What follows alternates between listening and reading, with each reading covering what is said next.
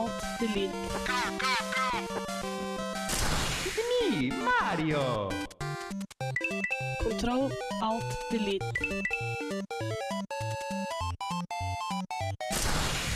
Unable to comply.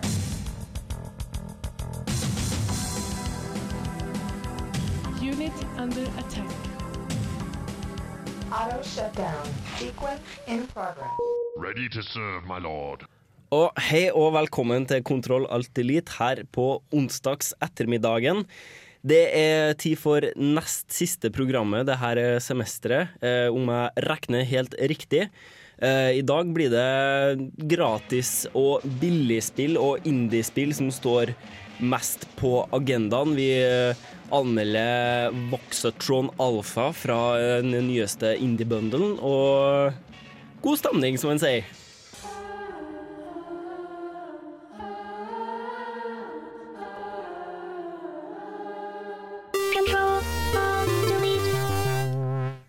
Yes, du hører på Kontroll Alt Elite, og du fikk eh, Doldrums med I'm too homesick waiting for my satellite, eller noe sånt. Eh, Det var en veldig lang tittel, det var helt umulig å få med seg. Eh, Jeg heter Hallgeir Buhaug, eh, your host for the day, som en sier. Med meg i studio har jeg et ensemble av flotte, kjekke ungdommer. Vi kan begynne ved min høyre hånd. Tor Larsen Sekse, god dag. God dag. Eh, Står det? Nei, bare bra. Nettopp oppgradert PC-en min. Jeg. Jeg? Fortsatt problemer? Nei. Nei. Nå kjøres BF3 på full grafikk, eller? Nei, det kjøres ikke på full grafikk, det kjøres på lav grafikk med 150 FPS. Ja, det høres ut som en online-player, altså. Bård Restad, god dag. Hallois, hallois. Eh, står til med deg? Bare bra. Eh, Jeg har besøk av spillutvikleren nå i forrige uke, og med en gang de kom seg på toget på søndag, så forsvant de inn i Skyrim og kosa meg der nå. Så nå har du òg meldt adresseendring, sa Skyrim. Å ja. Nei, det, det er ikke noe vits å sende noe annet til meg før jul. Det eneste som gjelder, er Breeze Home i Whiterun, antar jeg. Det det, det er akkurat nå, ja. Men Ja. skal ikke se bort ifra at de kan ta, få inn nok penger til noe mer òg. Ja, jeg bor der inne, jeg. Alt du trenger, er en kiste til Dragon Scales, Dragon Bones and your set. ja, fy faen. Erik, hei. Dovakin Vibe, takk. OK, Dovakin Vibe, du går for eh, en, eh, å få alle, alle Bethesda-greier gratis for evig tid. Ja, det, det var nesten så jeg bare meldte meg på, men eh, jeg fant ut etterpå at det måtte være en eh, ny, ny baby, da. Så nå heter jeg dessverre Dovakin Vibe resten av livet. Får nå bare være, da. Eh, ja. Kjedelig, men ellers er det bra. Rekorden i studio på mest eh, hours played i Skyrim, det sier vel sitt? om Jeg vet ikke, jeg, jeg har ikke fått Jeg har glemt å sjekke det, så Ja. hold, Ja, okay, det- hold your horse. Jeg holder S. både hatten og hesten. Ja, ok. Og for eh, første gang med i studio, Rune eh, Stana. Ja, god kveld. God kveld, god kveld. Eh, god ettermiddag, heter det. Ja, det, jeg kan jo heller si god morgen. Jeg har ikke vært oppe så veldig mange timer i dag. Å nei, å nei. Eh, Rune er jo da vår eh, tekniker. eh, Og sitter vanligvis på andre sida av glasset, men i dag så sitter han i studio sammen med oss og kjører profesjonell teknikk, så det gjør noe mann. Eh, har du spilt noe artig i det siste? Ja, Det går mest i Starcraft på min del. Det gjør det. Ja, ja. Det Pro, er pro gaming. ja, ikke så veldig pro, men jeg prøver i hvert fall. Mm. Spiller ladder? Ja. Mm. Kult, kult. Eh, vi får gå videre i programmet. Vi skal høre 120 Days med Osaka, Radio Edit. Og etter det så skal vi ha nyheter før vi anmelder Voksatron Alfaen.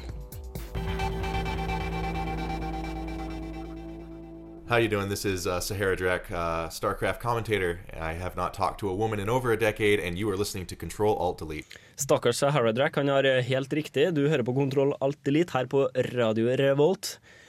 Nå skal vi ha uh, ukas spillnyheter og nyhetsanker Bård Ræstad. Hva har du for meg? Til meg. Vel, uh, han Erik får riktignok ikke en hel hjem og gratis Bethesda-spill siden han ikke er født den 11. november 2011. Men det finnes en guttunge der ute som faktisk har fått navnet sitt Dovakin.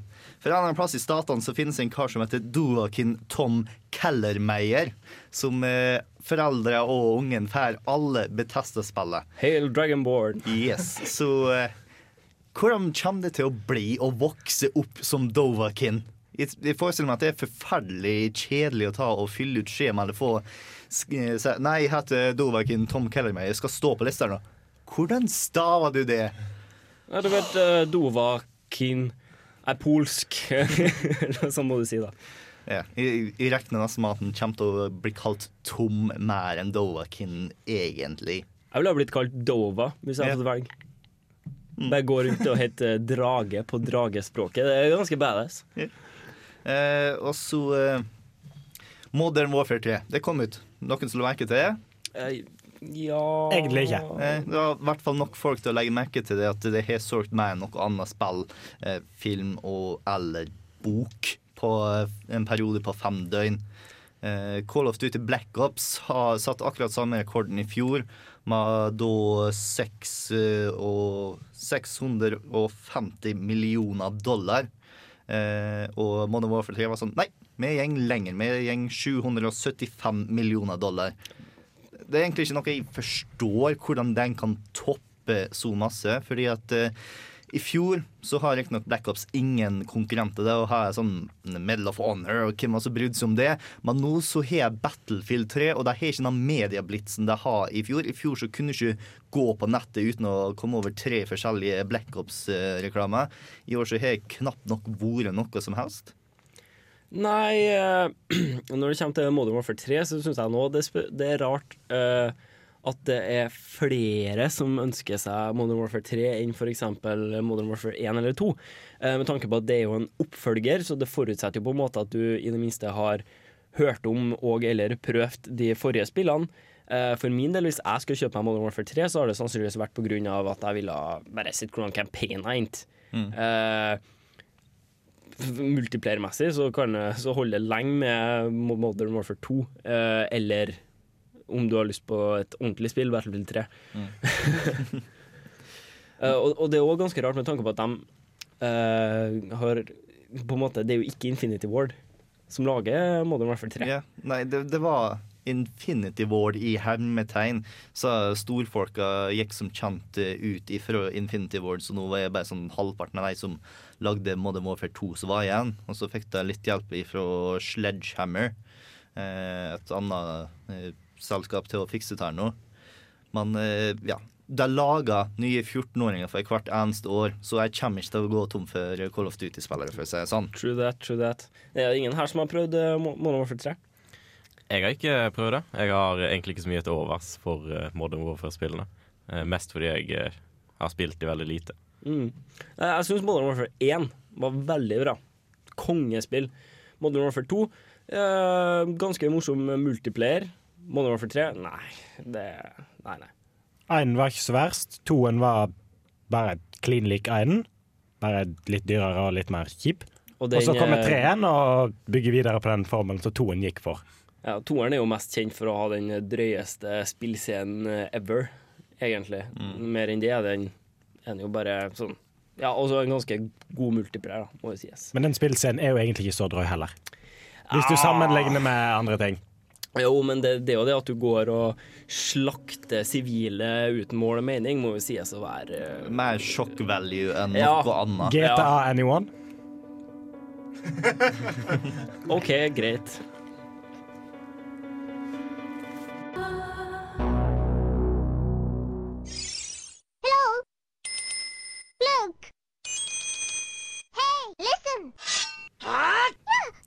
Der var vi tilbake, vet du. Og Bård, du har flere nyheter til oss. Ja, nei, Vi kan gå ifra et spill som de fleste i studio ikke bryr seg så altfor masse om, til et spill alle i studio burde bry seg veldig masse om. Og da snakker vi om det mystiske Bioware-spillet som er på vei. Eh, det kom ut en eh, teaser til visninga av traileren til å spille i dag, eller i går, noe sånt. Og da fikk vi se ett og et halvt sekund med et klipp derifra. Eh, det var spoiler alert. Noen tankser og noe. Det var i hvert fall nåtid, og det var militært. Og- Det var, det var to tankser som skjøt på en, noen- en konvoi Lastebiler. med lastebiler eller noe sånt.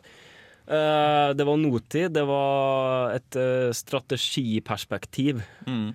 Uh, og det var satt i en litt sånn ørkensetting med noe hus, virka det som. Ja, nei, det, det virker litt sånn Irak-krig-ish, egentlig. Ja, Det florerer jo rykter om, eller mer spekulasjoner, da, om at dette her kanskje kan være eh, en IA sitt forsøk på å eh, blåse litt liv i Command and Conquer-serien igjen. Det er riktig, fordi at eh, som da teaseren tok og tease, så er det et nytt Bioware-studio som holder på med å spille her nå, ikke de som har laga Mass Effect og Dragon Age før. Eh, det som en eller annen karen som tar og jobber for det studioet som heter skal vi se nå, Victory Games, var litt for dårlig til å holde på hemmeligheten, så det, han en eller annen plassen så skrev han at han jobba i BioWare når han egentlig jobba i Victor Games, og da trakk folk konklusjonen OK, da er Victor Games kjøpt opp av BioWare. Det som er interessant med ta, er at Victor Games er de som har fått jobben av EA til å reboote Command and Conquer-serien. Mm. Ja, da vil det jo være meget god, godt grunnlag for spekulasjoner nå. Mm. Uh, Command and Conquer-serien uh, forgreiner seg jo ut i flere spill. Ja, det er Red Alert og Generals og hovedserien. Er Ikke det at de Ja, som heter bare Command and Conquer. Ja. Uh, hva, er, det noe, er det noen som har noen formening om hvilken av de tre? Det, det har ikke jeg hørt noe om, men når vi snakker reboot, så er det ikke mulig at det bare tar og lager en helt ny serie innenfor Mm. den serien. Ja. Eh, den kanskje Midtøsten-settingen vil jo kanskje eh, da tyde på at det kan ha noe med General-serien, da. Som eh, Folk likte jo den serien, men det, det kom jo bare ut eh, ett spill og en expansion pack. Ja, nei, det var Det er for det meste Red Alert og hovedserien det blir snakka om når det Command Conquer blir snakka om. Ja, men sånn som de klippene vis, eller det klippet viser, så hvis det er en av de tre seriene, så er det General-serien. For du mangler litt Tekken i hovedserien, og er Det ligner ikke på Red Alert. Det virker jo som på en måte EA har lyst til å kanskje ta over RTS-sjangeren òg nå, for nå har jo Blizzard sittet på den med Starcraft i en god stund.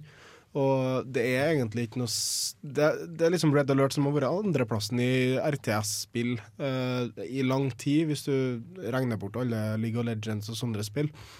Og, altså Det er Heroes og så er det Civilization, men det er turbasert, så det blir noe helt annet. I RTS-sjangeren, RTS-sjangeren. real time strategy-sjangeren, så er det jo Command and Conquer-spillene med Westwood Studios og nå da EA og kanskje BioWare. Uh, og Blizzard sine Warcraft og Starcraft som har vært de har- største, det er helt klart. Nå har de jo Og Age of Empires og Total War. Ja, ja, Age of Empires Det er bare tull, det nye. Ja, Eh, det Total- nye er tull, men Og Total War er en er helt annen måte å spille RTS på, syns ja, jeg. Total War er jo mer den turbaserte, Ja, men eh, og unit og- Hva skal si, Den base builder-sjangeren, da. Uh, så ligger jo Total War-serien War-serien Ja, uh, utafor den. Av en ting. Dawn of War. For faen. Uh, de har gjort det ganske bra, men fortsatt ikke mulighet til å tople Starcraft. Nei. Eh, men det blir interessant å se. Eh, det er 10. desember, så skal de eh, vise hele traileren, eller, om det, eller teaseren, eller hva det blir, da. På Spike v VGA Awards, Ja. vel? Eh, den største, mest kjente videospillutdelinga. Som minner meg egentlig ganske masse om MTV Movie Awards i typen uh, utdeling. Største helt til vi har vår. Å ja. Nei, hvis du ser på formatet på videoen, så går jeg ut ifra at den blir ca. et minutt langt. For de annonserte jo, kom jo med Mass Effect 3 announcement-traileren på Det var ikke det Spike VJ i fjor? Jo. Og den var 58 sekunder, var den vel? Det var vel ikke stort lenger enn det. var sånn Hei, oppi et tårn og i effekt Oi sann, tårnet er Big Bang! Mass Effect 3. Big Bang. Big Ben. Men, men det som eh, er forskjellen, da eh, det var at det var jo en mer cinematisk trailer, Mass Effect 3-traileren, mens det her ser ut som at det kanskje kan være en gameplay-trailer. Da det så ut som det var gameplay som vistes. Mm. Har du flere nyheter? Yes, eh, Vi kan ta og avslutte med å si at Jack and Dexter er på vei til eh, PlayStation 3. Eh, Naughty Dog sin eh, eventyrtrilogi fra PlayStation 2 kommer hit nå med HD og trophies og alt mulig rart. Eh, dere som var storfan av Jack X Combat Racing og alt sånt der nå, eh, dessverre, den ser ikke ut til å bli med på disken, men alle andre av Naughty Dog sine PlayStation 2-spill er på vei. Jeg har ikke spilt noe annet enn Jack and Daxter 1, men eh, men eh, Jack, jeg har hørt at Jack 2 og Jack 3 eller hva de heter, de skal visst være bedre, men de er veldig annerledes. Men jeg har ikke spilt noen av dem sjøl. Det er derfor jeg er interessert i å spille denne HD-remaken her nå. For å få en liten historietime. Ja, jeg vil si Jack and Daxter 1 i hvert fall var awesome.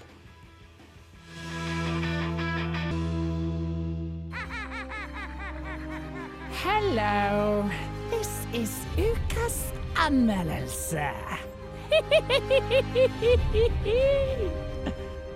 Hi-hi-hi, som en sier. Uh, Ukas anmeldelse er av Mikkel, som ikke er her i dag. Han er opptatt med andre greier, men ikke mer opptatt enn at han klarer å spille uh, Voxatron og lage en anmeldelse av det. Det her er um, Voxotron er en del, det er vel hovedspillet i den nye indie-bundlen. Mm, uh. Eh, har du prøvd det, Erik? Nei, jeg har ikke prøvd Voxatron. Men uh, jeg syns bare det er hele ideen med indie bundles, særlig den de gjør, de humble indie bundle-folkene, uh, er veldig genial. Eh, De gir halvparten av alt, alle pengene du kjøper spillet for til Eller du kan bestemme sjøl hvordan du vil fordele pengene hver gang du kjøper spillet, men de gir veldig mye til Play for Kids, eller hva heter det? Child's Play. Child's. Play, ja, Child's Play, som er da en organisasjon som gir eh, eh, spill og leker til unger som enten er syke, eller som er på sånn eh, foreldrehjem. Må eller ikke forveksles med skrekkfilmen med samme navn. Nei.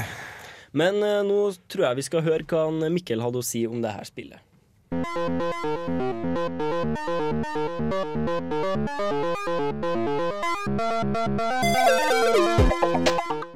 du bodd under noe annet enn en stein de siste årene, har du garantert fått med deg The Humble Indie Bundle. Som en blanding av promotering av uavhengig utviklede spill, DRM-fri moro og ren og skjær veldedighet, har vi nå fått tre indie-bundler og samtlige spin-offs. Nyeste par ut er The Humble Voxatron Debut, fokusert på spillet Voxatron Alpha. Donerte du også mer enn gjennomsnittet til denne pakka, som krevde at du var mindre gjerrig enn fem dollar, fikk du også med spillene Blocks That Matter og The Binding of Isaac.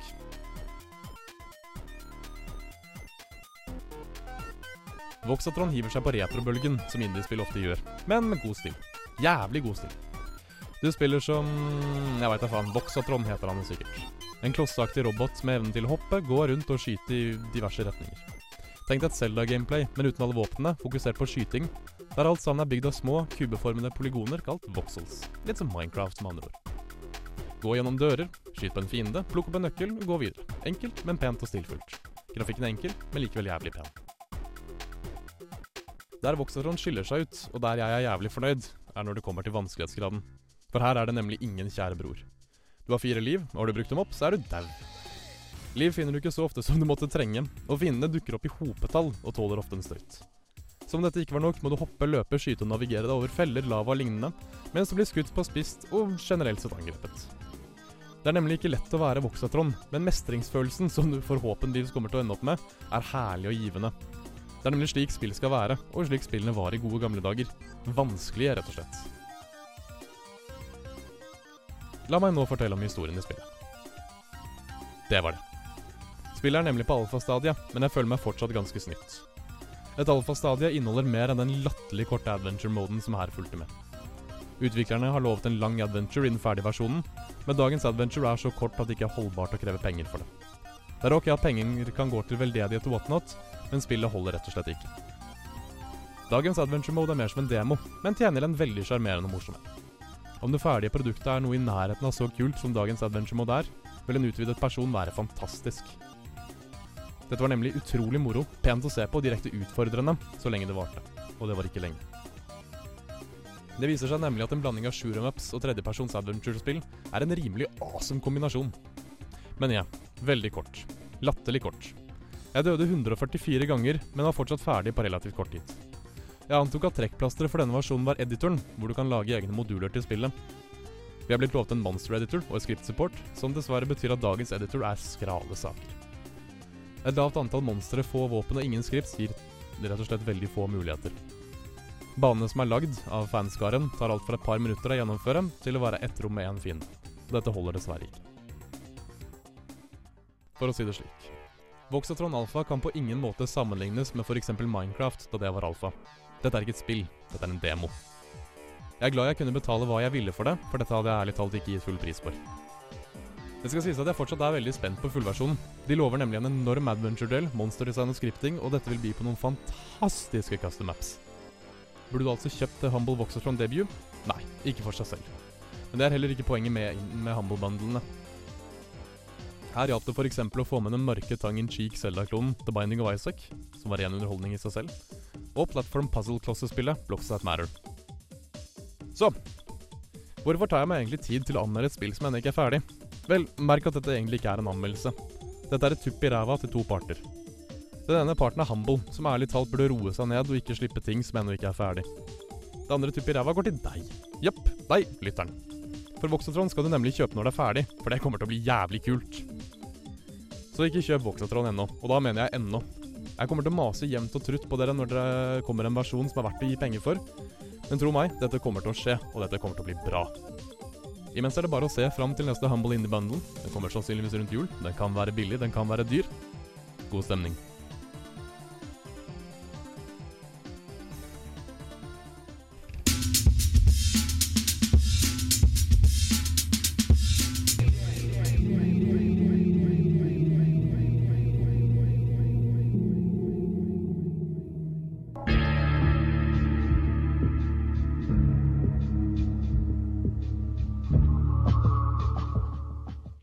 Der var vi tilbake. hørte anmeldelsen av uh, Voksetråden Alfa til Mikkel. Uh, hva syns dere om det å gi ut en, uh, en alfa og ta penger for det? Altså liksom en, på en måte en demo å ta penger for det. Ta penger for et uferdig produkt. Det virka jo veldig som at Mikkel var optimistisk på produktet, og at dette kommer til å bli et bra spill, og det var en god opplevelse det han hadde. Bare at det var en altfor kort opplevelse, og det var for lite han kunne gjøre for å forbedre den opplevelsen med f.eks. sånn map-editor som var med, eller noe av. Men uh, altså uh, det er jo litt sånn der kinky, for du, du gir jo samtidig med til charity. I hvert fall jeg bruker å donere mesteparten av pengene jeg bruker på Humble Indie Bundles til charityen. Eh, sånn i hvert fall 70, 70 til den, og så 30 til utviklerne. Ikke at jeg tenker at de ikke trenger å gi penger, liksom. Men det er liksom, istedenfor å gi penger til andre ting, Frelsesarmeen og sånn der, så bruker jeg å gi til Child's Play, for at jeg syns det er en god organisasjon som står meg liksom Det passer til meg. Mm. Nei, I løpet av den siste generasjonen her nå, så har grensen imellom eh, beta, alfa, demo og ut i et spill forsvunnet ganske masse. Du har nå en sånn eh, Uncharted 3 og Gears of War 3 har beta i hermetegn. Det var mer glorifiserte demoer, fordi at nesten all tilbakemelding vi feil fra den betaen. Kan du ikke endre meg, fordi at i løpet av en måned så skal spillet være ute. Eh, og så har jo Minecraft som var utgitt i lang tid, og først nå har det blitt faktisk eh, et spill. Og så har du en hel haug med spill som kommer med forferdelige glitcher, som blir patcha to-tre uker etter at spillet kom ut. Så det er ikke et ferdig produkt du har på CD-en. Skyrim, for eksempel. Ja, Skyrim er ikke den verste der nå, egentlig. Nei, nei, det er jo helt klart. Men, eh, Battlefield 3. Det har vært skikkelig buggy. Det kom no, en rimelig stor patch nå nett som fiksa en del, men tingen er at når folk ser noe er beta i dag, så betyr stort sett beta at dette her er et mark er for to ting. Det er for å teste balansen med en veldig stor brukerbase. Det er for å teste serverne og hvordan de fungerer, eventuelt oppgradere server-side changes. Og så er det som reklame. For det er veldig fint å ha en stor åpen beta. Masse folk prøver, masse folk liker det de ser, masse folk kjøper det ferdige produktet. Så er jo eventuelt også prøve, prøve å finne game-killing bugs. Altså dem som rett og slett bare ødelegger gameplayet. For dem får de tilbakemeldinger på. Mm, mm. Men eh, sånn som det Diablo 3, nå var det demo, eller var det beta? Det var vel en beta, vil jeg tro. Ja, for det var jo demo, liksom. Yeah. Det var jo sånn lagt opp som en demo, liksom. eh, Du slutter med en boss og er ferdig med demoen, liksom. Jeg husker ikke. Det er nesten så jeg lurer om det var en demo. Jeg tror det heter beta, altså. Jeg tror Ja. det. Nei, vi har blitt litt for bortskjemt med internett. Det er liksom Før i tida, og vel fortsatt på Nintendo-konsoller, så er det sånn at når spillet er ute i butikken, så får du ikke røre det lenger. Du kan ikke ta fiks på noe som helst gjennom patch eller noe sånt som tar.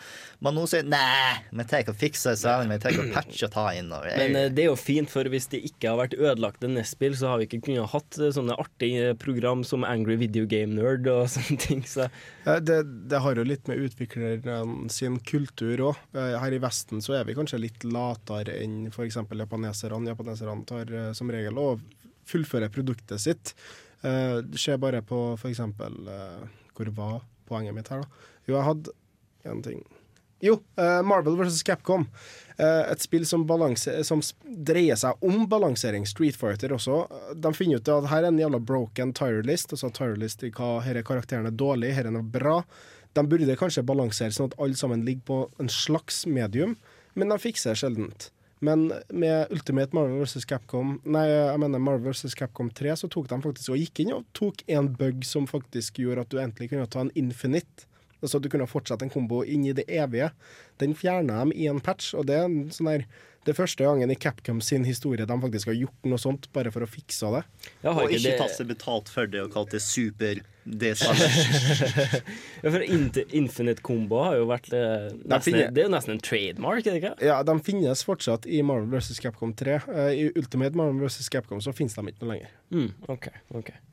Eh, men eh, jeg tror vi går videre. Det blir mer snakk om uh, indie bundles og slik i time to, for vi skal jo nemlig snakke om eh, spill som er billig eller gratis. eh, nettspill, eh, mobilspill og lignende.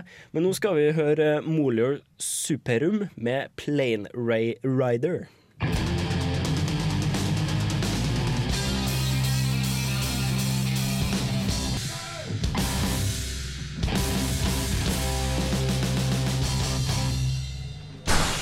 Control Alt Delete.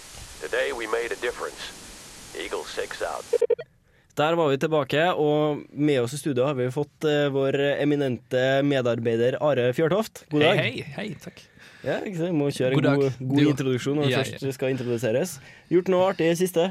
Eh, ja, madammen er faktisk i England, så det vil jo si uh, 'play all the things'! Uh, så det har jeg, men det har jo gått i Skyrim, da. Og dæven, det har gått i Skyrim uh, siste ukene. Og så fikk jeg med meg MLG, altså Major League Games i, i Minneapolis, tror jeg det var.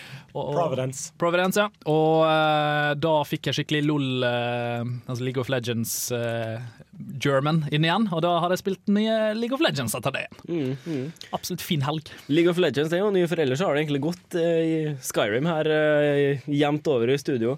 Men eh, du har mekka en eh, liten eh, anmeldelse til oss. Det har jeg, fordi jeg hørte jo at vi skulle ha eh, litt sånn gratisspill på time to. Eh, Mm. Og da tenkte jeg ja, men jeg har et dritbra gratisspill som eh, jeg spiller på mobilen min hver bidige dag. Eh, Ikke sammenhengende eh, i flere minutter, men heller sånn jeg stikker innom hvert tiende, 20. minutt for å sjekke hvordan det går, se hvordan økonomien sted står til. Veldig gøy spill, og absolutt noe jeg vil anbefale. Men det hører jo du også i anmeldelsen. Sett i gang.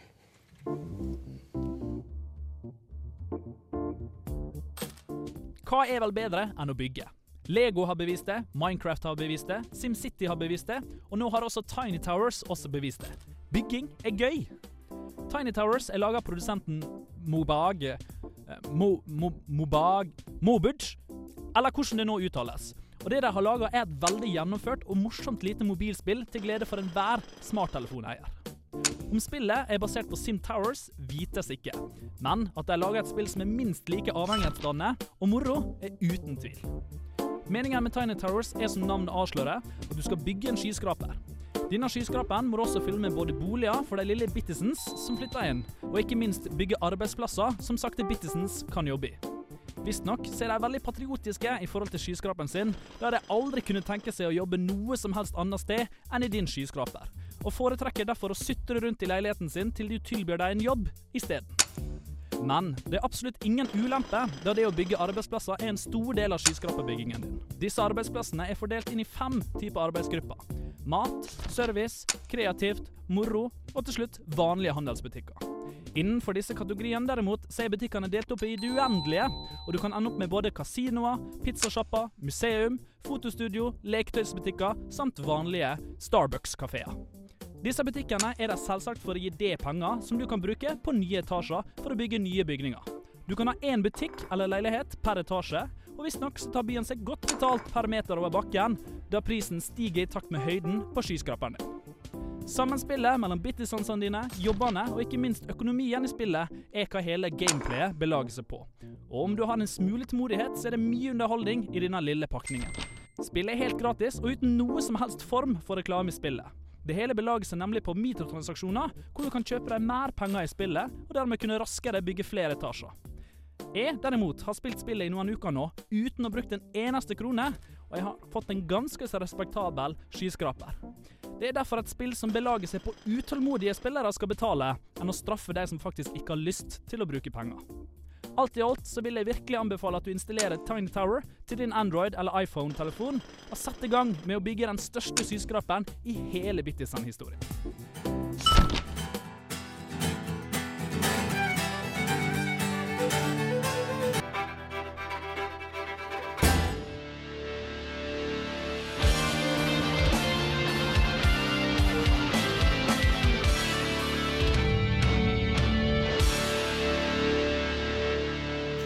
Der fikk vi Chuck Reagan med 'Nomad by Fate', og før det så hørte vi anmeldelsen av Tiny Towers. Are. Ja.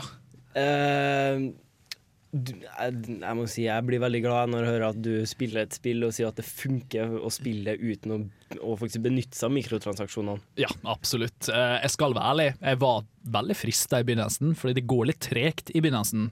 Eh, Du får kanskje bygd én etasje per dag, faktisk. Så tregt går det, da. Men så plutselig så begynner du å merke at eh, jo flere, nei, jo flere butikker og eh, sånn bittisens du har, jo høyere sånn pengeinnstrømming er, da.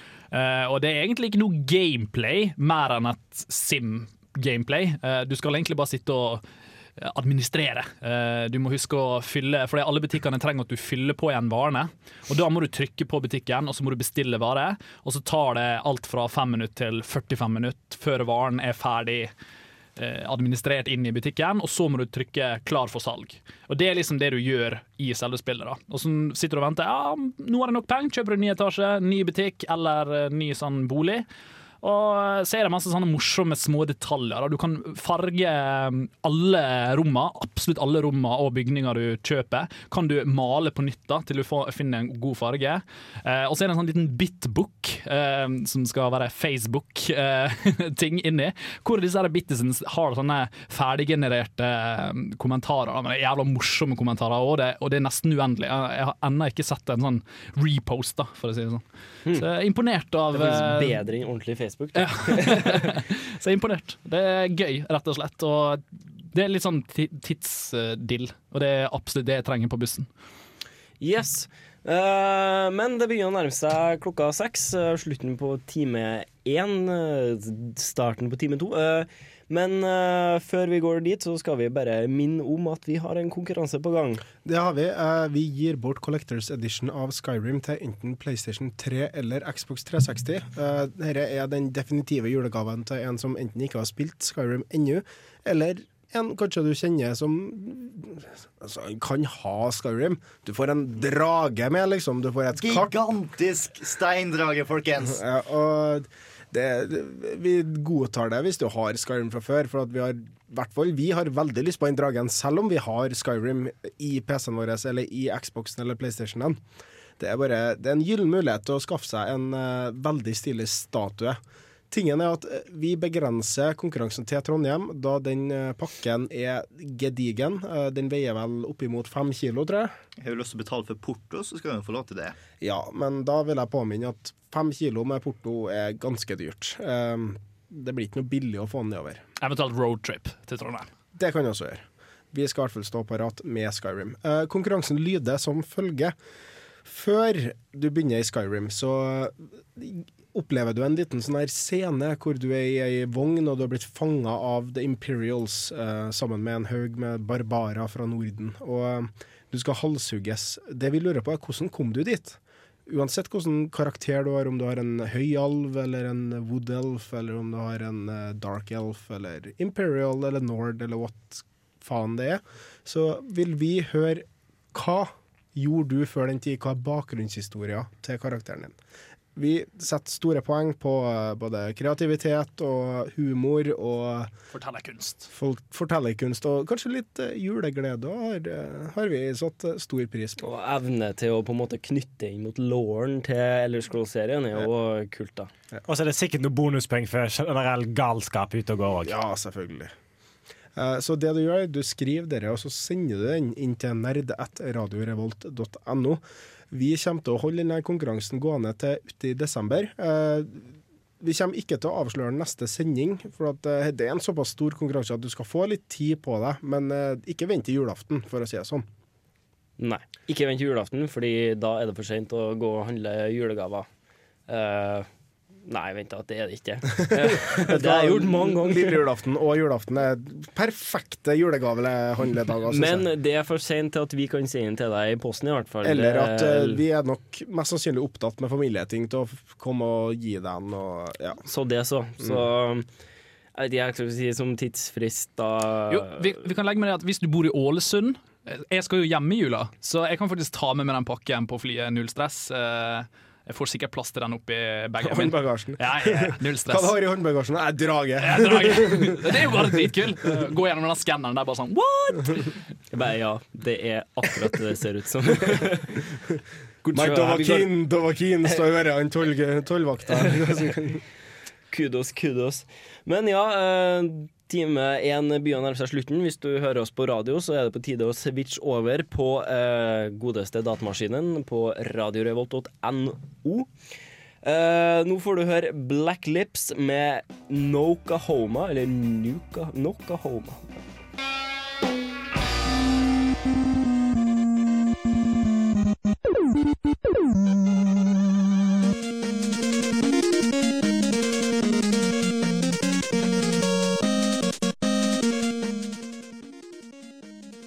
Da er vi tilbake.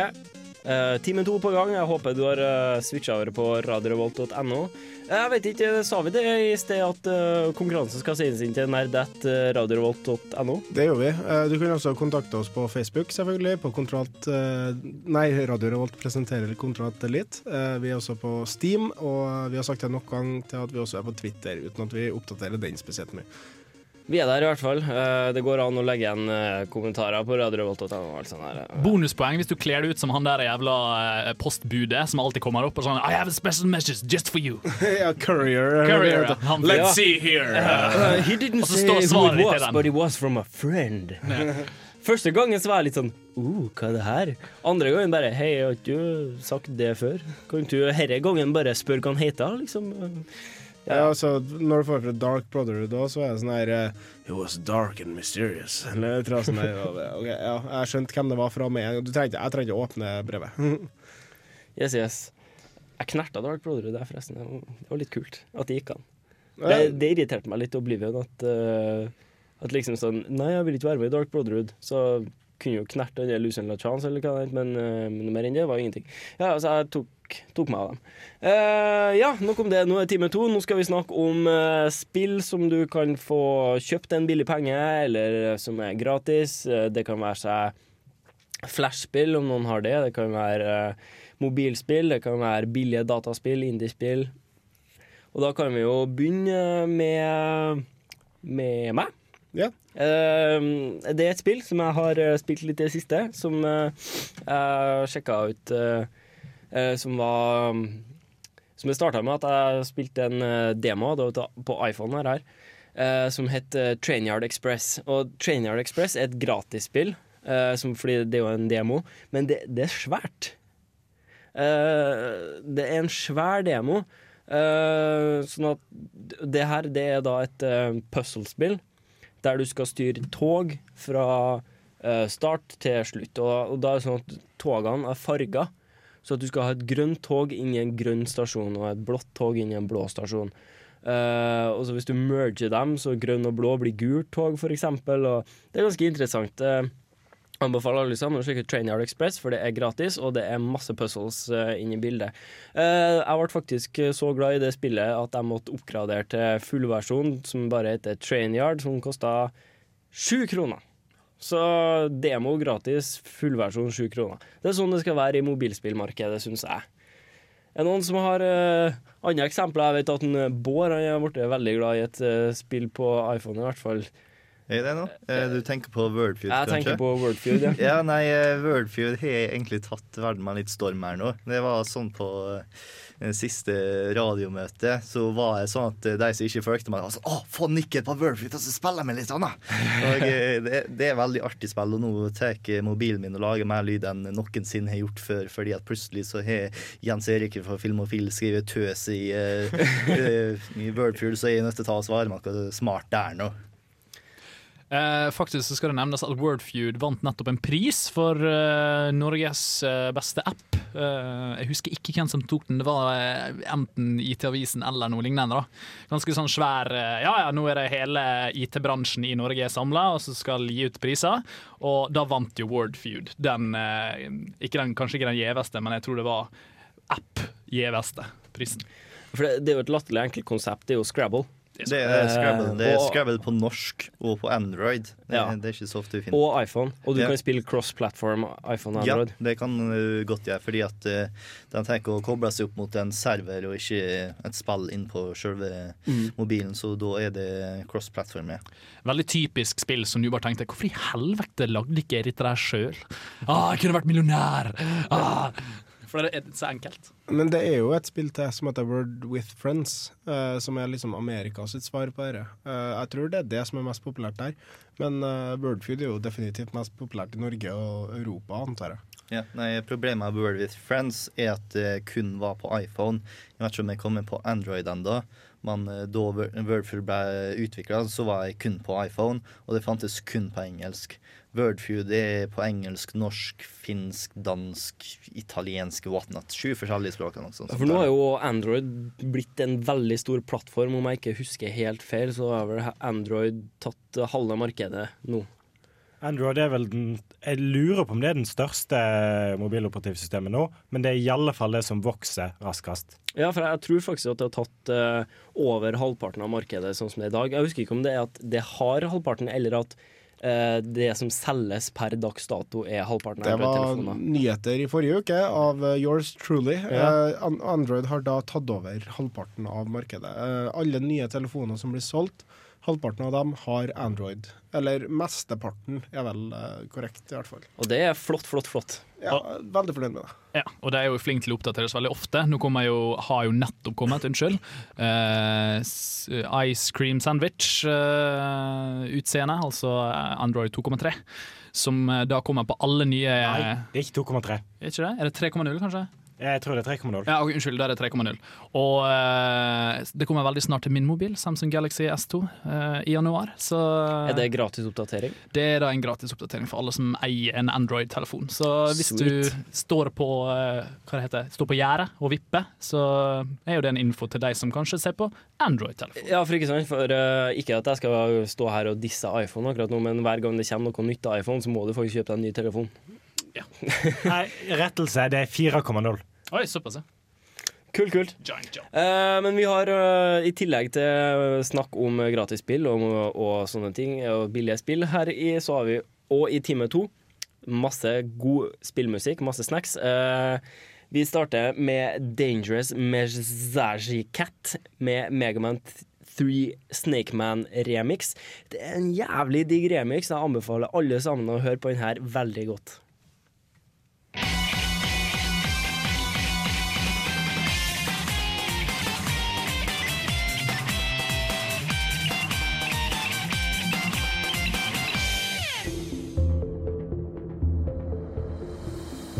I'm Commander Shepard, and this is my favorite show on the Citadel. Commander Shepard endorses uh, this show, altså. Uh, vi snakker om uh, spill, men Bård? Ja, i jeg har en liten saksopplysning. Det finnes sikkert noen av dere som nå har lastet ned et podkast og sitter og koser dere med det. Og så kommer en halvgreie og sier Nå, sangen her nå er så awesome! Den kommer til å endre livet, og jeg kommer til å like den så masse! Og så hører jeg fem sekunder med noe lyd, og så begynner vi å snakke igjen.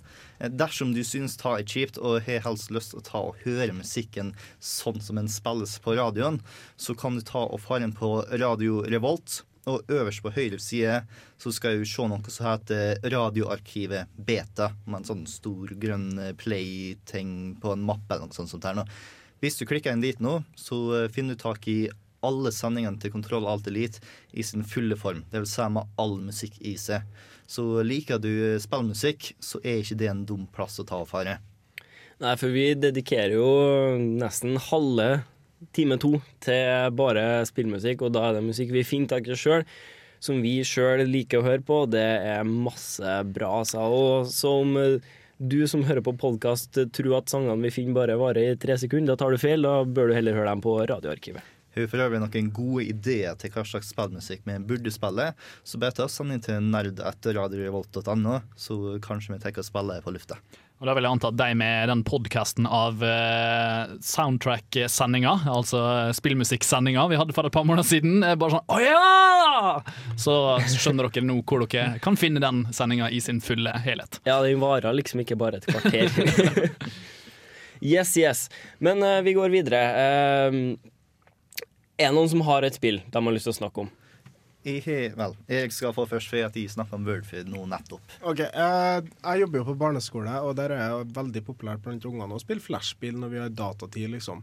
Og et spill som har dukka opp mer og mer i det siste, og kanskje vært litt populært i en måned eller to, er Kingdom Rush. Eh, det er et slags Tower Defense-spill, eller det er vel et Tower Defense-spill, som har litt sånn Det har, det har en sånn fin sjarm om seg. Som regel så er sånne der flashspill de er liksom helt OK, eller så er de veldig bra og produsert liksom veldig ålreit. Kingdom Rush er en av de spillene som er virkelig noe du bare kan sette deg ned med. Her, er- nå vil jeg spille et lite spill, jeg vil spille én bane med Tower Defense. Og det er veldig givende. Det er tre vanskelighetsgrader på hver bane. Det er talent tree, det er morsomme karakterer. Det er sånn at eh, De har tatt litt fra Warcraft. sånn at Det er sånne sauer på noen av banene. Hvis du klikker på dem nok, så eksploderer de. Og sånne ting. Og det er mye kreativt. da og um, liksom valget mellom fire forskjellige eh, towers som du kan oppgradere i to forskjellige retninger hver, og mange kreative eh, motstandere, flygende fiender og alt sånt der. Og så en veldig fin tegnestil. Det kan du finne på armorgames.com, og det koster absolutt ingenting. Ja, for armorgames.com er en veldig bra side. De uh, har mange gode flashspill. Mm. Men uh, hvis du er som meg og er glad i dine achievements, så stikk innom congregate.com, for der får du jo nemlig en achievement tracker, så du får et, en slags gamerscore. uh, det er veldig addicting. Eh, I Wanna Be That Guy. Jeg lurer på om jeg nevnte en eller to ganger før eh, i Kontroll litt, men absolutt dritkult spill som du bør eh, teste ut, bare for å innrømme sjøl at du suger som gamer. Fordi det er liksom det ultimate av vanskelighetsgrad ganger ti. Eh, og så har de laga det er helt gratis, selvsagt. Eh, Det er rett og slett bare en, på en måte spillutviklerens utfordring til spillerne. Og så bare OK, jeg har lagd det så jævlig vanskelig som det går an, men det går faktisk an å runde det. Det er ikke umulig, det er bare jævlig vanskelig. Og eh, du kommer til å prøve det, og så kommer du til å bli dritlei etter fem minutter. Og så prøver du igjen om ti minutter senere, blir du dritlei etter ti minutter, og så sånn går det. Og så til slutt så bare søker du på YouTube om det er virkelig noen som har klart det, og så ser du de driver og runder det hele spillet på eh, 15 minutter. Og så er det masse referanser til andre spill. Det er også Det er jo, jeg, jeg så bare et lite klipp. Der, der slåss du mot Mother Brain fra Metroid. eh. Zangief dukker opp. Ja, ja, Det- det er liksom Zangief, alt ja. mulig. Det var en ultrastangif, om jeg Ja, ikke husker helt feil. En sånn, eh, som har fått i seg litt mye flaggstang fra handa. Snakker vi om eh, I Wanna Be The Guy? Ja, hva, hva jeg sa? Nei, du sa ikke navnet. Eh, jo, Jeg sa I wanna be the guy, sa ikke jeg? Kanskje ikke. Du sa det i slutten. Ja, ja, men da, Ja, Men da fikk vi i hvert fall eh, da, da har vi sagt det fem ganger, så da har lytteren fått med seg I wanna be the guy. Det er bare å google det. Det er sjølpining for gamere. Og når vi snakker om vanskelige spill, så er det også et uh, spill som heter QWOP, uh, som er et slags løpespill. Eh, bare google det. QWOP The Game. Eh, Det er også et flashspill, tror jeg, hvor du skal styre da armer, bein ehm, Nei, beina til en idrettsutøver som skal springe 60-meteren eller 100-meteren. Du styrer den. Ja, leggen faen, det er vanskelig. Leggen med Q, eh, låret med W, og så OP på det andre beinet òg. Det er da du skal gjøre litt sånn eh, anatomiske, riktige bevegelser. Ja. At først så beveger du hælen, og så bøyer du kneet opp med leggen, fram med låret. Ja. Ut med kneet, ned med leggen. Og det, det, det, det er et slags Altså Når du først finner mønsteret, så er det veldig logisk, men fram til da så hater du deg sjøl mer eller mindre. Jeg så ut veldig som en person som har vært sterkt angrepet av polio når jeg spilte, i hvert fall. Men eh, vi har mer musikk på lager. Eh, forrige uke så spilte vi litt av London, eh, Phil, London Philharmonic Orchestra, altså London Philharmonien, som eh, har eh, spilt, eh, spilt inn masse spillmusikk, rett og slett. Eh, og forrige uke så hadde vi Det var blant annet fra Uncharted og Oblivion, om jeg ikke husker helt feil. Eh, vi har litt mer av det albumet her i dag. Eh, akkurat nå så skal vi få høre Tetris av London Philharmoni.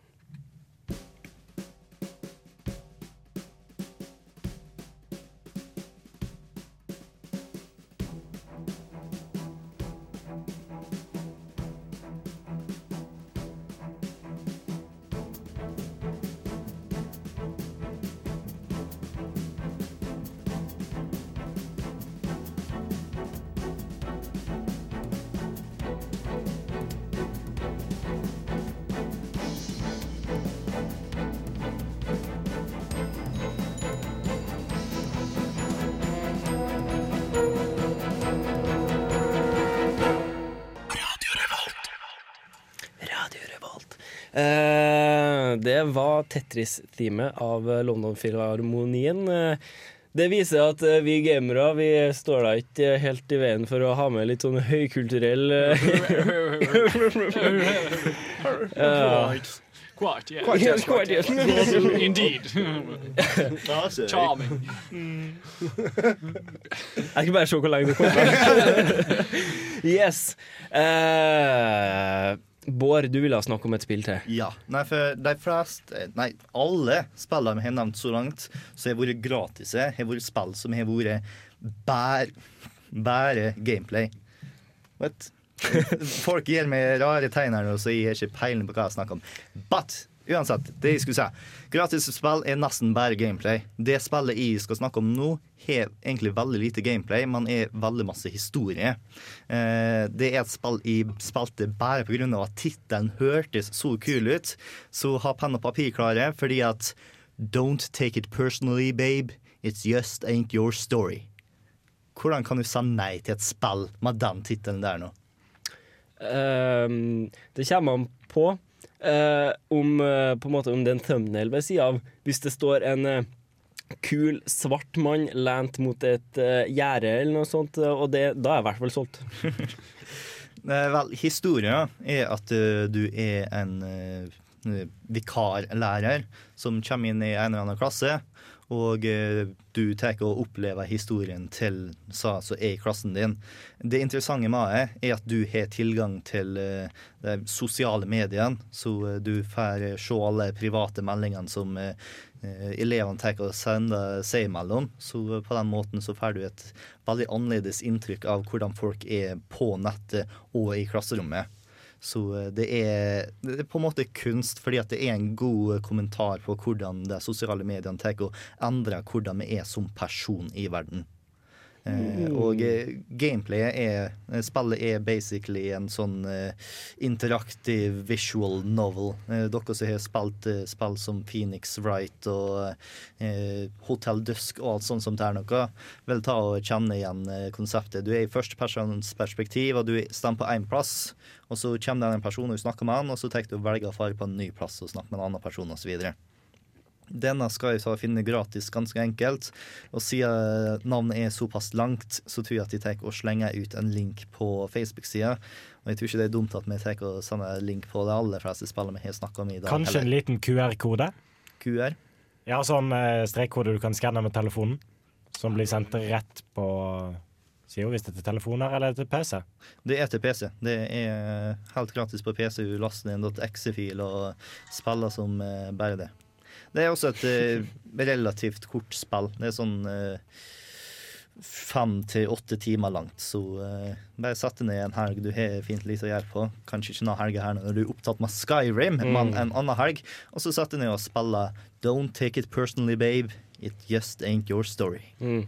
Eh, apropos spill på dataen, så vil jeg anbefale et flashspill. Uh, altså, alle har sikkert prøvd det, men hvis du ikke har prøvd det, så må du. Minesveiper.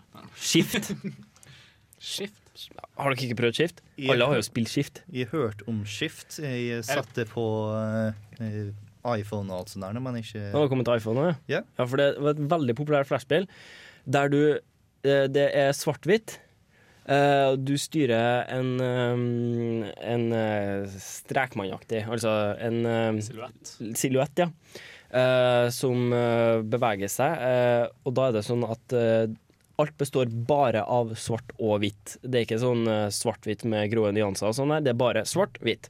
Eh, og trykker du på skift, så, går, eh, så er du eksempel du er en svart silhuett, og så liksom flipper verden, og nå er du en hvit silhuett, så at du flippes rundt og havner i den svarte delen av, av verden, så at øh, hvis du tenker deg her, hvordan det har vært på ordentlig, da, så hadde det vært på en måte at anti deg hadde gått i gulvet.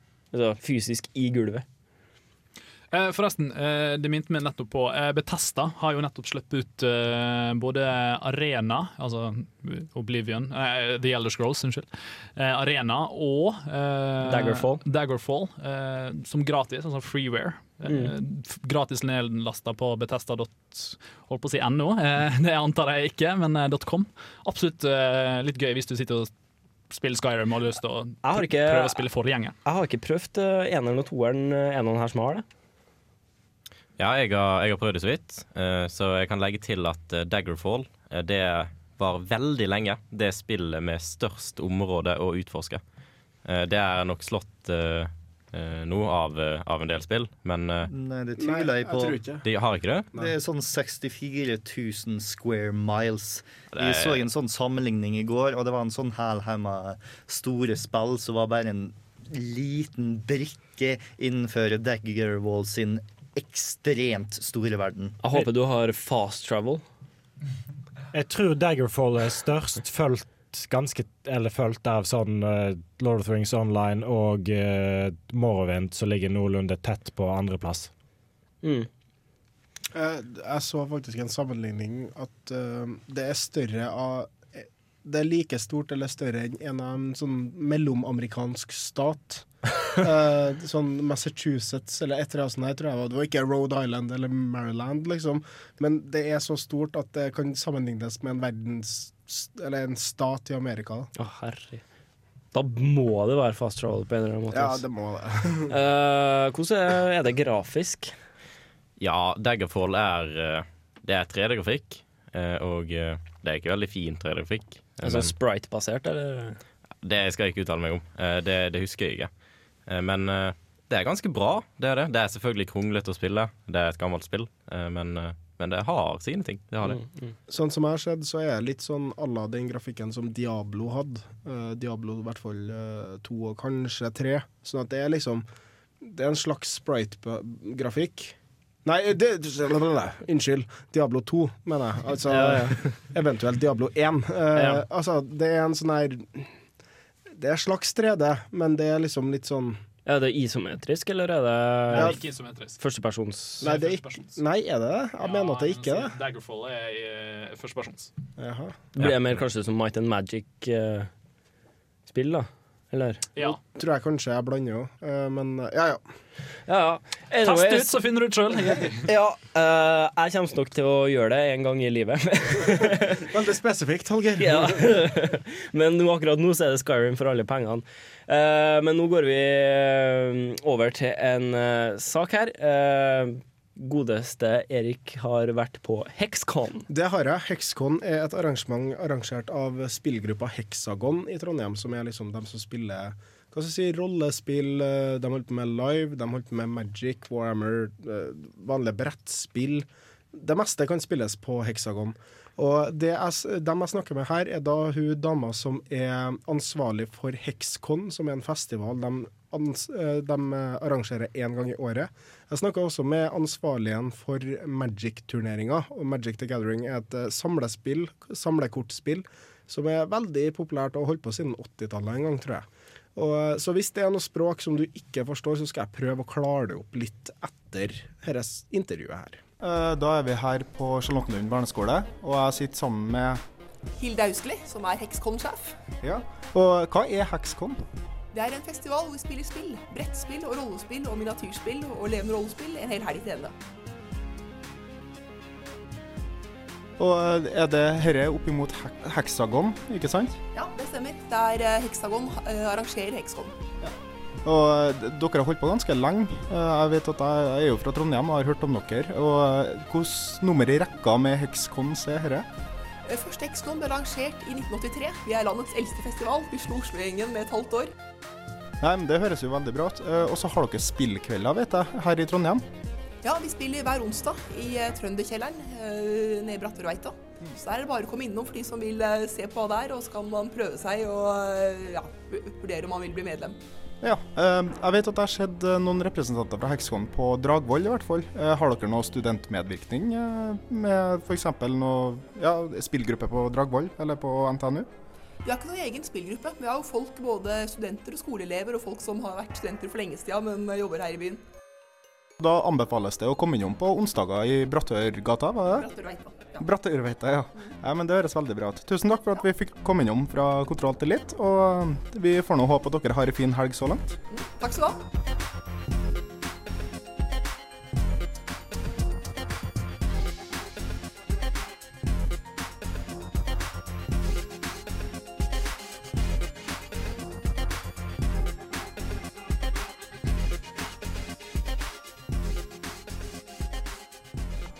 Da sitter jeg her på Hexcon med Kristoffer Jonassen, som er med å arrangere Magic-turnering. Og hvordan format er dere spiller i dag? I dag eh, spiller vi SEAL-turnering. Vil si at man åpner seks pakker, og så bygger man en 40-kortsdekk ut av de eh, kortene man får. Og ja, det får landa sånn og ja. Senere i dag så skal vi spille noe som heter Commander. Eh, det er et litt mer innvikla format, men det er veldig, veldig morsomt. Litt sånn uh, avslappa og spille sammen med kompiser der du har en uh, legendarisk creature som uh, er din eh, hærfører, på en måte. Som uh, styrer litt hvordan du må spille spillet og sånn her. Ja, så Det var litt annerledes enn vanlig 60-kort, for at du har 100 kort i dekken. Og du bygger dekken rundt den hærføreren, på en måte. da. Ja, det stemmer. Ehm, en eh, Du bygger dekken din rundt legenden, og den legenden sin farge bestemmer om uh, hvilke farger du kan bruke i dekken din. Og det er 100 kortstokker, med inkludert generalen.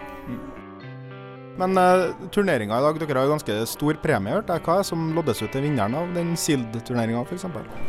I SILD-turneringa så er det de som gjør åtte beste. De eh, får uh, Vi har regna rundt eh, altså 3000 i boostere, da, altså i pakker, som eh, man kan bruke senere for å spille og sånn her, ikke sant. Mm. Så det blir fordelt over åtte stykker, da. Det blir ganske bra. Og hvis du har lyst til å spille Magic i Trondheim, eh, hvor kan du møte opp, og når? Eh, anbefaler å møte opp på Outland i Munkegata klokka halv fire på fredager. Så er det noe som heter draft. Der eh, kan sikkert eh, Skal jeg forklare litt? Ja. Ja. Uh, man eh, åpner en uh, pakke, og så velger man et kort fra den pakken. Og så uh, gjør man det her en par ganger, sånn at man bygger en dekk ut ifra den pakkene man åpner. da. Mm. Så du kan si at så lenge du har en forståelse for Magic, så kan du spille draft mye bedre enn hvis du f.eks. Du trenger ikke å kjøpe alle kortene sjøl, det er ikke like dyrt som å kjøpe en hel dekk, på en måte. Ja, det stemmer. Det, så lenge du eh, møter opp, så har du like stor sjanse til å vinne som alle andre, så lenge du vet hvordan du spiller spillet. Og, og det er veldig avslappa miljø, da, og alle sånne er veldig hyggelige og prøver å fostre et uh, godt Magic-miljø i Trondheim. Og det, har blitt veldig mye bedre enn det siste, syns jeg. Mm. Nei, jeg, jeg spilte jo sjøl på Dreamlands, den tid Dreamlands var. Uh, nå har jo den dessverre tatt Ja, det avslutta hva som skjedde der, og det er Outland som på mange måter har tatt over, da? eller? Ja, for en par år siden så var det vel Avalon som var som var der Dreamlands var. Men etter at Avalon stengte ned for en par år siden, så er det Outland som har tatt over det. Og alle som man egentlig så på Avalon, de, har, de kommer dit. Og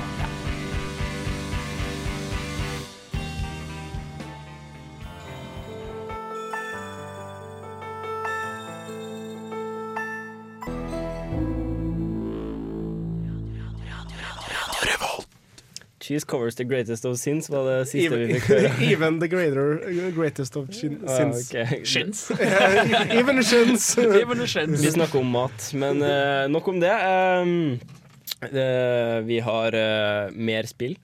Men uh, Hexcon eh, først. Ja, Eh, Hexcon først. Ja, uh, Nå hørte vi da en samtale om eh, både Magic the Gathering og hva Hexcon holder på med, og hvor lenge de har holdt på. Og det var absolutt noe som alle sammen burde sjekke ut, som er litt sånn interessert i litt alternative spill, ikke bare på TV-skjermen, men kanskje også rollespill, kortspill, eh, brettspill.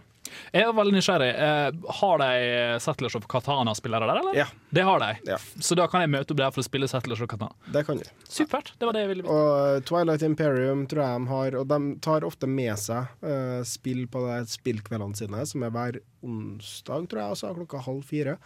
Og, eh, så det er bare å fære til Brattørveita. Uh, nå husker jeg akkurat adressen, men hvis du bare spoler bitte litt tilbake, eller drar på hexagon.no, så finner du nok uh, fram, for å si det sånn. Og de er veldig hyggelige, alle sammen. Er veldig behjelpelige. Og jeg snakka også med en som var med i Warhammer-turnering. Uh, det er et miniatyrspill som du spiller på bord med figurer, og det er kjempemorsomt. Jeg spilte mye før.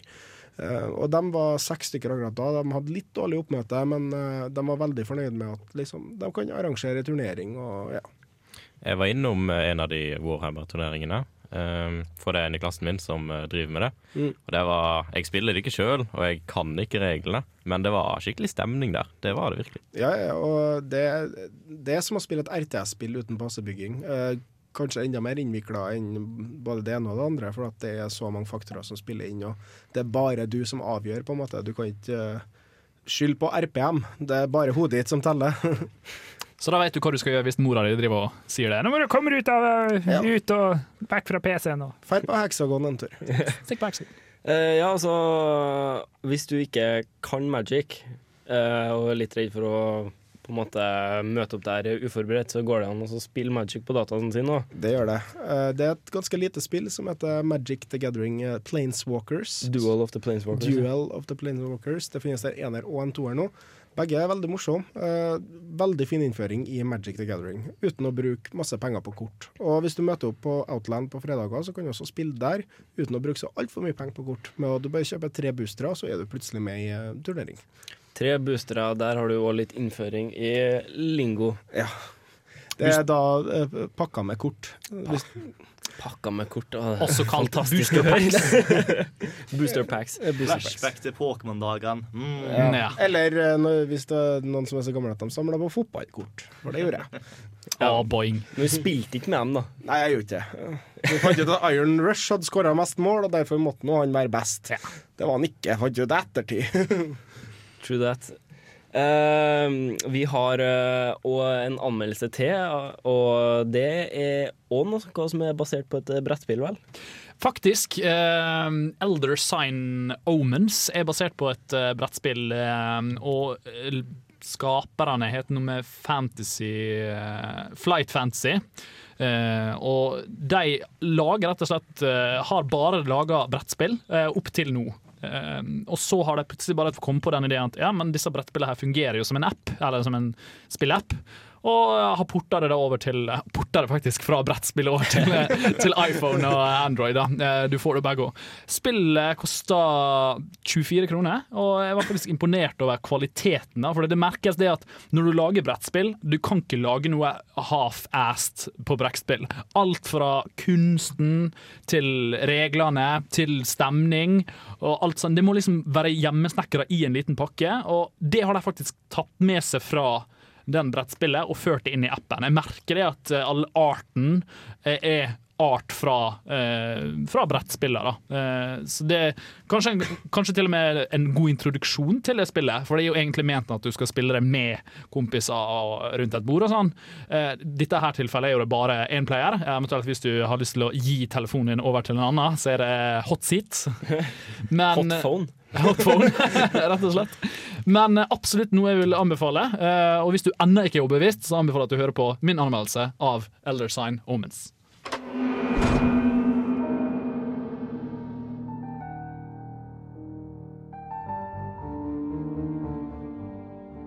Du har kanskje merka at det kribler i magen hver gang noe mistenksomt skjer i leiligheten din. Kanskje du faktisk fryder deg over at lys slår seg plutselig av, gjenstander flytter seg fra et sted til annet uten at noe har vært nær gjenstanden, rare lyder som kommer fra ventilasjonen på badet, eller kanskje et spøkelse som prøver å drepe deg hver gang du går i et av rommene dine i leiligheten. Da er definitivt mobilspillet Elder Signs Omens noe for deg. Elder Signs Omens er et mobilspill laga Fantasy Flight Games, og spiller på delvis uhygge sammen med detektivfølelse i ekte Sherlock Holmes-stil. Spillet faller dessverre litt kort for selve detektivdelen, og jeg personlig trodde at det skulle hele belage seg på gåter som jeg måtte løse underveis, men det skulle vise seg å være noe helt annet. Elder Signs spilles på en helt unik måte i og med at man leter i forskjellige rom i et mystisk museum, som opplagt er infiltrert av diverse demoner og andre dødelige og døde skapninger. For hvert rom blir du også utfordret til å klare rommet med et minispill som er mer enn utfordrende enn jeg selv tør å innrømme. Hvordan dette utspiller seg er vanskelig å forklare uten å demonstrere, men etter et par kamper så er du ikke lenger forvirra av hva som foregår, men isteden vil du tenke febrilsk over hvordan du skal overleve dette møtet med en sarkofag som du nettopp støtter på. Alt i alt så er Elder Signs Omens kanskje det peneste og mest gjennomførte spillet i form av lyd og visuelt jeg noen gang har sett på et mobilspill. Gameplayet kan være veldig forvirrende, selv om spillet tar seg god tid til å forklare hva som foregår til enhver tid. Men jeg kan garantere at når reglene sitter, så er du hanka inn for mange timer på bussen, eller selv i leiligheten hvor både PS3-en og PC-en lokker det. Nei, sier du, jeg skal bare ta deg til siste rommet her. Spillet koster 23 kroner på Android Market, og er også tilgjengelig på iPhone. Something terrible has begun to awaken within our museum. A something unsatisfied by mere exhibition or human study. Writhing with ancient evil and terrible purpose. From my studies, I'm convinced such dangers are not new to the human experience. Among the rarities I have been fortunate enough to uncover, one particular emblem seems significant. A symbol of purported resistive faculty and considerable power. They called it the Elder Sign.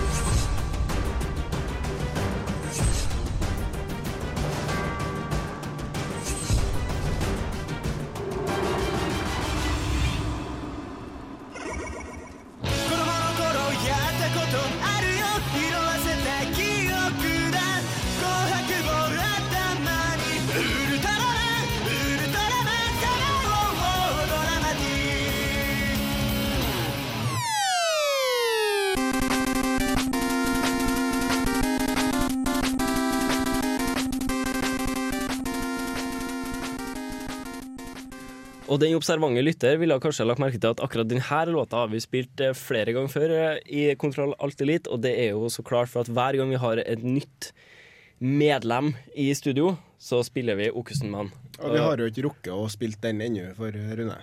Nei. Så Rune, velkommen. Jo, takk. Eh, Det er veldig gledelig å bli møtt med sånn Megaman-musikk. Det er veldig fint. Ja, ikke sant? Det, det er jo ingenting som definerer en gamer mer enn Megaman. Egentlig eh, nei. Tja, kanskje. Ja, Jeg vet ok, ikke. Super Mario 64-theme. Ja, OK. Tell me what play, uh, game you are playing, and I'll tell you who you are. Det er en nye, ny sånn linje oppå Gløshaugen. Det er psykogamatikk. Ja. Ja, de, Ah, ja. de har Ja, det. Ja. Gå inn i detaljer Men det- Psycho Game Attic! Høres ut som et dritbra spill! Hvor kan jeg spille det? Shut up and take my money! ja, take my OK, OK. Men vi har faktisk flere spill som vi vi vil nevne her. Eh, Vi har blant annet så er det noen gamle travere som har eh, fra PC som har gått over til å blitt eh, freeware, og det vil si at spillene er så gamle at de er gratis. Eh, men at gammel trenger ikke nødvendigvis å bety dårlig. Det vet vi her. Vi har jo tross alt en spalte som heter Retrogamer. Eh, så Tor? Ja. Command and Conquer, Red Alert og Tiberian Sun og Tiberian Dawn, det er vel en tilleggspakke til Tiberian Sun, Mm. de er freeware. De finner du Jeg vet ikke hvor lett det er å finne på egne Google. nettsider. Google, Red Alert, freeware, download, et eller annet. Du finner det. Det er spill som eh, jeg anbefaler alle sammen å prøve, altså, for det, de er jævlig bra. Kan jo også nevnes at eh, det å ta en eh, kikk inn på goodoldgames.com er absolutt en anbefaling for den nostalgiske med dårlig lommebok. Dårlig lommebok. L- Svak. Det, det er jo så råtne i lomma i sånn. Det er det samme. Dere skjønner hva jeg mener. Tynn lommebok. Tynn, kanskje. Anoreksisk. Bulimisk. Nei, uff. Ja. Bulimisk betyr at den spyr penger. ja, spyr penger ut igjen. Jeg prøver, jeg prøver å putte penger på den, men ut igjen. Kast deg bort på bad idioti hele tida. Oh my god, what's wrong with me? Der har vi Shut up and take my money. Ja. eh, jeg har et spill som jeg vil anbefale. Det er ikke så billig. Det koster sånn 40 kroner eller noe sånt. Og det er ikke så mye et spill som en glorifisert tech-demo, men Infinity Blade på iPhone og iPad ser så bra ut, og det er, spilles jævlig kult. Um, det er en on-rail uh, melee fighter, der du bruker et sverd og et skjold uh, og magi. Og du slåss mot eh, troll og vanndøde av forskjellige forskjellige slag. Uh, ja, Skyrim, ja. Jeg har hørt om det. Kommer kom ut før Skyrim, så bare Nei, eh, det er ikke veldig lik Skyrim. eh, Langt ifra. Um, eh, Poenget er at du skal swipe på skjermen når du slår og forskjellig. Eh, Det mangler, mangler noe mye som ligner på historie, eh, men det er veldig kult. Eh, Masse oppgraderinger til karakteren din, og det er definitivt noe å sjekke ut om du sitter en kveld og lurer på hva du skal spille. Jeg har tre spill til. eh, to gratise og ett eh, som koster bitte litt. Det første gratise er Devil's Tuning Fork, som er et eh, slags førstepersonsskytespill hvor du har en stemmegaffel som sender lyd. Du kan da enten sende Unnskyld. Lyd, altså! Ja, lyd. Eh, Du kan sende demonstrert. ja, eh, du kan sende lyd på vegger, for at du ser ingenting. Og når lyden treffer veggen, så ser du veggen. Du kan sende enten en basstone i gulvet, da ser du gulvet. Og, eller du kan sende en skarp lyd til en overflate, sånn at du ser overflata. Aha, så du er, du er daredevil? På en måte. Eh, og skal, så er det sånn creepy girl voices hele tida som du skal dra og redde. Og veldig bra spill. Bare søk på Devil's Tuning Fork. Vi kommer til å legge ut eh, masse linker på Facebook og kanskje på Radio radiorevolt.no.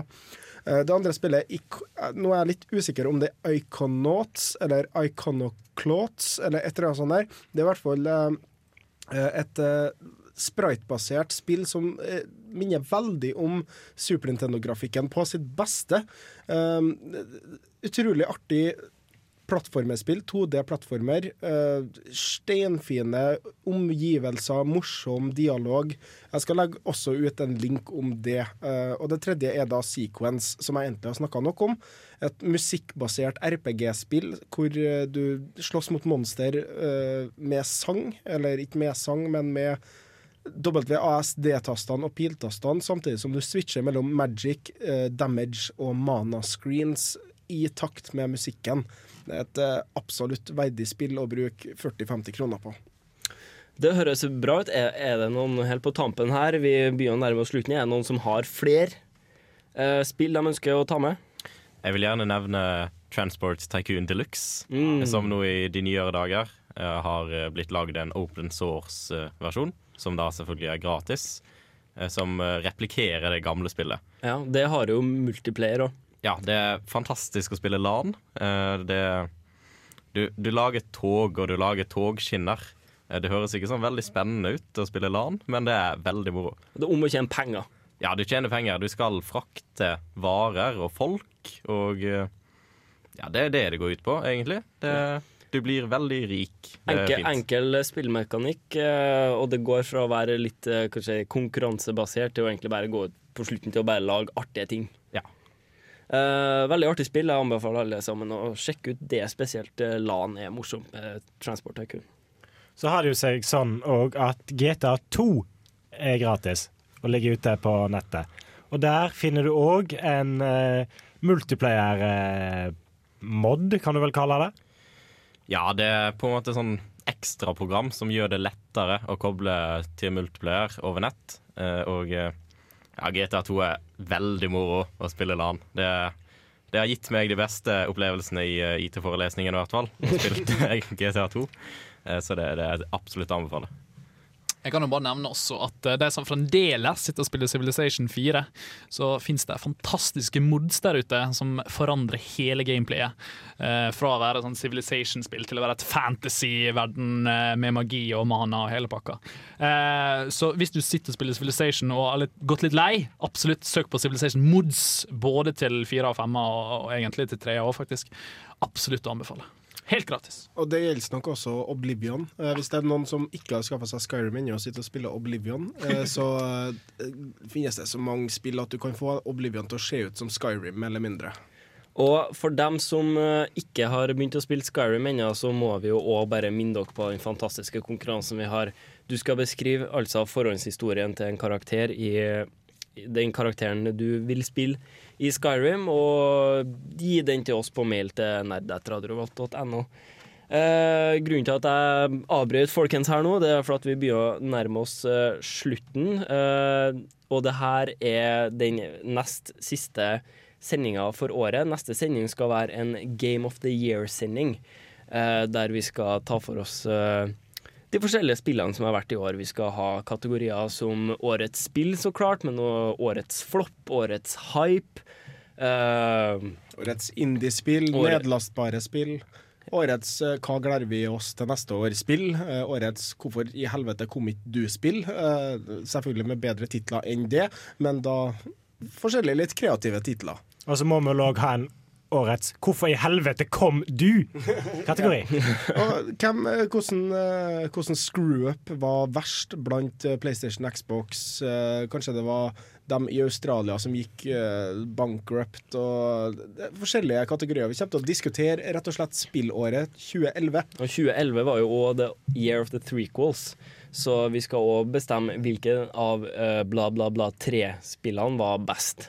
Og tar du og sender inn eh, hva favorittspillet ditt i år med en god begrunnelse, så skal jeg ikke se bort ifra at vi tenker å lese opp på lufta. Og har du forslag til kategorier du mener vi bør kåre en vinner i, så send de òg inn til nerd1radiovolt.no. Og så kan vi kåre det til å bli årets lytter. Ja, den, den var dum! Årets lytter sender inn navn. Jeg hører på dere hver gang, altså. Nominer deg sjøl. Sånn vi gjør det i radioen. Ja, det er det. det er faktisk det. Yes, yes. Uh, men i dag så har vi altså hatt uh, anmeldelse av Voxatron. Vi har hatt anmeldelse av Tower? Tiny. Tiny Towers, og det siste var Elder Sign Omens. Elder Sign Omens. Vi har snakka om gratisspill. Hvis du har akkurat bare begynt å høre på oss nå, hør hele sendinga hvis du har lyst på tips og til billige og gratis spill som du kan varme deg med nå i eksamensleseperioden. Vi vil også takke Spaceworld for den fantastiske julegaven vi fikk, som vi får lov til å dele ut til dere. Eh, Spaceworld på Trondheim Torg, tusen takk. Mm. Og husk å sjekke ut eh, Facebook eh, for å finne alle de kule flashbildene, i hvert fall som vi har snakka om i dag. Vi kommer til å legge ut linker på, på Facebook, som sagt. Vi, vi oppdaterer òg jevnlig med YouTube-klipp, nyhetsartikler osv. Eh, Men vi begynner å nærme oss slutten, så mm, jeg tror det er bare å takke for oss. Eh, Jeg heter Hallgeir Buhaug, og med meg i studio så har jeg hatt vår eminente tekniker for første gang. Rune Stana. Rune Stana. Kan du bare fortelle, Hvordan har det vært første gang på radioen? Nei, Det har, har vært eh, veldig moro. Det er jo selvfølgelig litt stress å styre lyd og lage lyd samtidig. Men ja, det går fint, det gjør det. Ja. Erik Vibe. God dag. Ha det bra. Ha det bra. Bård Estad. I'm true talking to you. Are Fjørtoft. Og Tor Larsen Sekse. Snakkes. Nå avslutter vi med London-filharmonien med Halo 3. Det er jeg, jeg skulle nesten ikke ha sagt det, for skulle, folk skulle ha fått kjent igjen det sjøl. Det må, må være et av de mest skal vi si, gjenkjennelige timene um, på det siste tiåret. Eh, vi takker for oss og sier ha det bra, og vi snakkes neste gang. Og følg med. Det kommer ei sending til. Følg med. Følg med. Shut up and take my money! Ha det.